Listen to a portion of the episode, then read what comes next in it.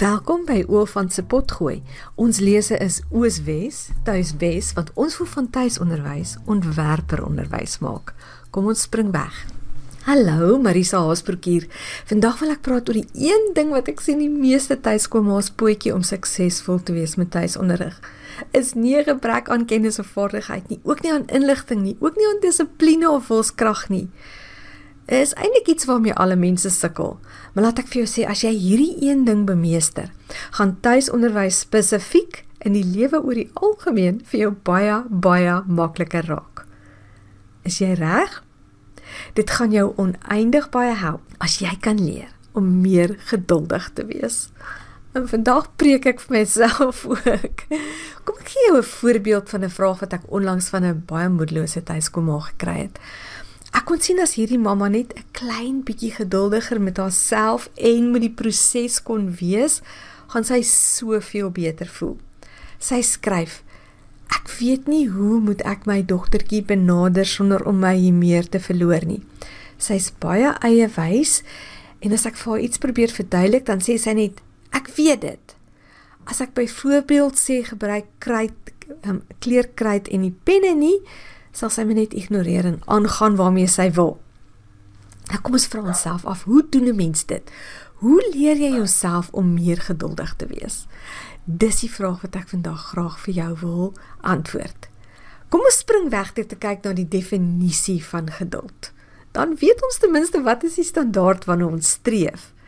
Die Woordeboek van die Afrikaanse taal definieer geduldig so: kalm en bedaard volhardende in die uitvoering van 'n lastige of moeilike taak sonder om deur hindernisse, teleurstellings ensovoorts afgeskrik te word. Nou kom ons haal hierdie definisie uitmekaar en ons kyk mooi daarna. Daar's vir my 5 stukkies wysheid opgesluit in hierdie definisie. In die eerste plek, die definisie begin deur te sê om geduldig te wees beteken dat jy kalm is. Vir my verwys kalm na die gevoel wat jy binne in jouself het. As jy kalm is, is daar nie onrus in jou gemoed nie. Daar kan dit jou help om diep asem te haal en veral stadig jou asem uit te blaas en dan voel jy hoe voel kalmte binne in jou lyf. Hier's nog 'n wenk. Dink aan 'n situasie waarin jy volkome kalm was. Nou probeer jy terugdink hoe jy toe gevoel het. Hoekom was jy toe kalm? Kan jy nou daai gevoel en wat jy toe gedink het leen uit daai ander situasie en dit indra in hierdie moeilike situasie wat soveel geduld van jou afvra? In die tweede plek sê ons definisie as jy geduldig is, is jy bedaard. Nou bedaard het nou weer vir my te doen met die manier waarop jy optree. Dit het te doen met jou gedrag. As 'n mens bedaard is, doen jy niks vinnig of skielik nie. Jy praat byvoorbeeld nie hard nie en jy ruk ook nie goed uit jou kind se hande nie. Jy's nie haastig nie, jy's nie gejaagd nie. So wil jy oefen om meer geduldig te wees, wees dan veral bedag daarop as jy oorhaastig of koorsagtig begin optree. Sodra jy dit agterkom, bring jouself sagkens terug na die bedaarde optrede toe. In die derde plek sê ons definisie van geduldig wees dat 'n mens moet volhard in die uitvoering van 'n taak. Dit beteken jy verstaan dit, dit waarmee jy besig is, gaan tyd vat. Jy gaan dit nie die eerste keer regkry nie, nie jy of jou kind nie. So as jy voel jy raak ongeduldig, herinner jouself weer aan daai woord volhard wat beteken om aan te hou. Laat ek vir jou 'n snaakse storie oor die woord volhard vertel. Die laerskool waarin ek was se naam was Laerskool Akasha en sy lese was volhard en bloei. Nou met daai bloei het die opstellers van daai lese bedoel dat mens baie blomme moet dra, reg? Dit maak sin vir 'n skool wat na 'n boom vernoem is. Maar die stoute seunskinders van my skool het die lese verander van volhard en bloei na valhard en bloei. Nou jy wil nie hard val met tuiskool nie. Jy wil volhard. En die rede hoekom jy dit wil doen is jy wil vir al jou kinders die voorbeeld stel dat 'n mens kan aanhou en uithou met iets wat vir jou belangrik is en wat vir jou waarde het. 'n Vierde aspek van ons definisie van geduld sê dat 'n mens geduld veral moet inspann in die uitvoer van 'n lastige of moeilike taak. Nou, laat ons eerlik wees, baie van die take wat jy as 'n tuiskoolouer moet doen, is of lastig of moeilik.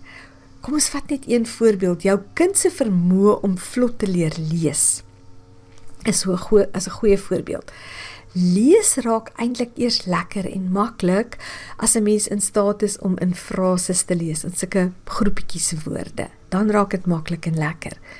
Maar aan die begin moet jou arme kind deur die pynlike proses worstel om te leer om klanke te net eers die klank enkelklanke te ken en dan die klanke te vermeng en kort woordjies te lees. Dit vat 'n rukkie tot hulle by hierdie groepies woorde uitkom.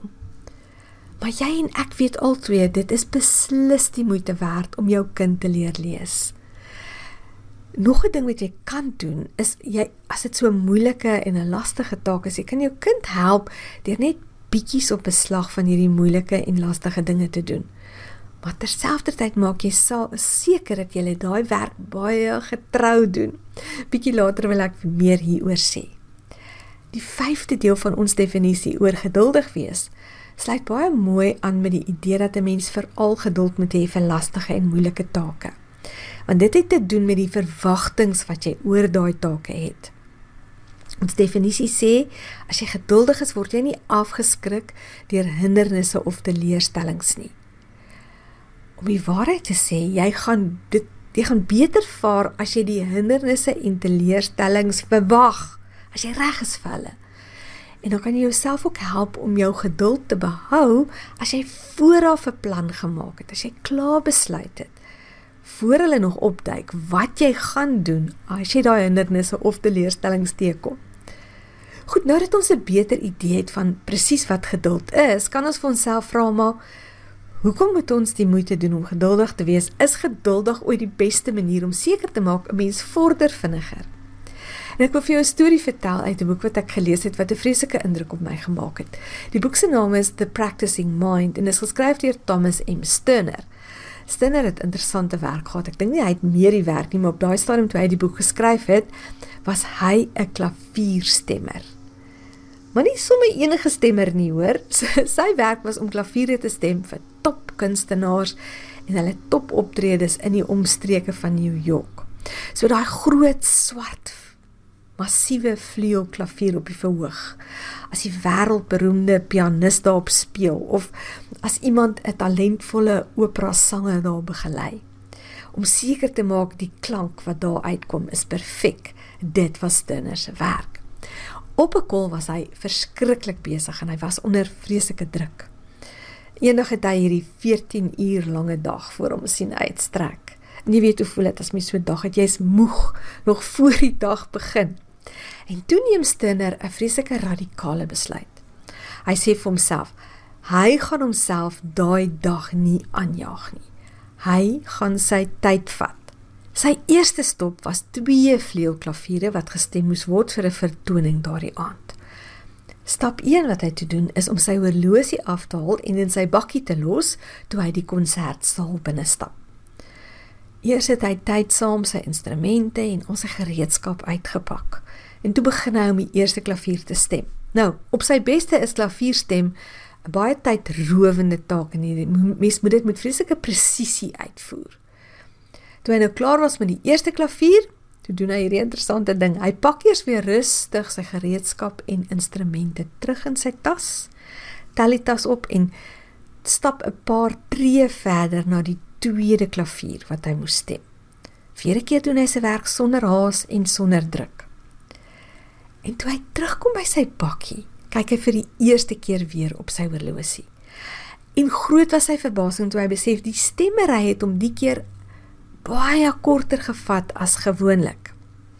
En dit was toe hoe hy sy hele dag aangepak het. Sy geduld en sy kalmte het beteken dat hy daai dag selfs tyd gehad het vir 'n rustige en 'n verfrissende middagete in 'n restaurant in plaas van om net haastig 'n toebroodjie af te sluk. So, kom ons vra onsself af, hoekom werk dit so goed om geduldig te wees?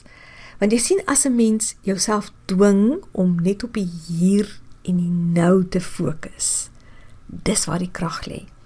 Jy gee net aandag aan die taak hier voor jou. Jy kwel jou nie oor iets wat in die verlede wat jy in die verlede verkeerd gedoen het nie. Jy bekommer jou ook nie oor iets wat in die toekoms kan skeefloop nie. Jou hele kop en jou hele hart en jou hele siel is ingestel op dit wat jy nou doen. Ek het al gevind dat as ek so haastig en gejaag voel, dit baie help as ek myself afvra, wat is op die oomblik nie my werk nie? Om terug te keer na ons voorbeeld van die ma toe. Sê maar ek wil met 'n 5-jarige dogtertjie wat baie uit eie wys is en sy verkies om met koutjie penne te skryf as ek dink vir die spesifieke taak inkleerkryt gaan beter werk. In daai situasie kan ek myself 'n paar vrae vra. Soos is dit regtig my werk om haar te oortuig kryt is in alle opsigte beter? Is dit my werk om haar te ooreed dat my manier van doen altyd die beste is? Is dit my werk om seker te maak sy luister altyd na my. Is dit op daai oomblik my werk om my te bekommer wat van hierdie rebelse kind van my gaan word? Is dit op daai oomblik my werk om myself te verwyd dat ek gister my hier meer met haar verloor het? En jy kan sien dat op al hierdie vrae is die antwoord nee. Maar sê nou net ek kan myself forceer om nou op die hier en die nou te fokus asof ek nooit weer hierdie oomblik in my lewe gaan terugkry nie. Wat waar is, né? Sien nou net ek kan vir myself sê my werk op hierdie oomblik is om 'n verhouding met my kind te vestig sodat ek kan seker maak dat ek haar ten goeie beïnvloed in haar besluite. As ek dit vir myself sê, hoe gaan ek dan die probleem aanpak? So stel ek byvoorbeeld vir haar vrou, hoekom sy koutjie penne verkies? Sal ek vir haar vra om die inkleerpotlode net uit te probeer en te voel hoe dit verskil van koutjie penne. Of sal ek dalk selfs rustig self met die potlode begin skryf en dan weer met die koutjie penne en vaar wys wat die verskil is. As 'n mens mooi daaroor dink, is hier en nou altyd die enigste tyd wat jy het. So vra jouself af wat sal gebeur as jy rustig jou volle aandag aan die hier en die nou gee? Met die grootste geduld die taakie voor jou aanpak en op daai manier uitvind, uitwerk presies wat is die stappies, wat is die volgende stap wat ek moet doen om my einddoel te bereik.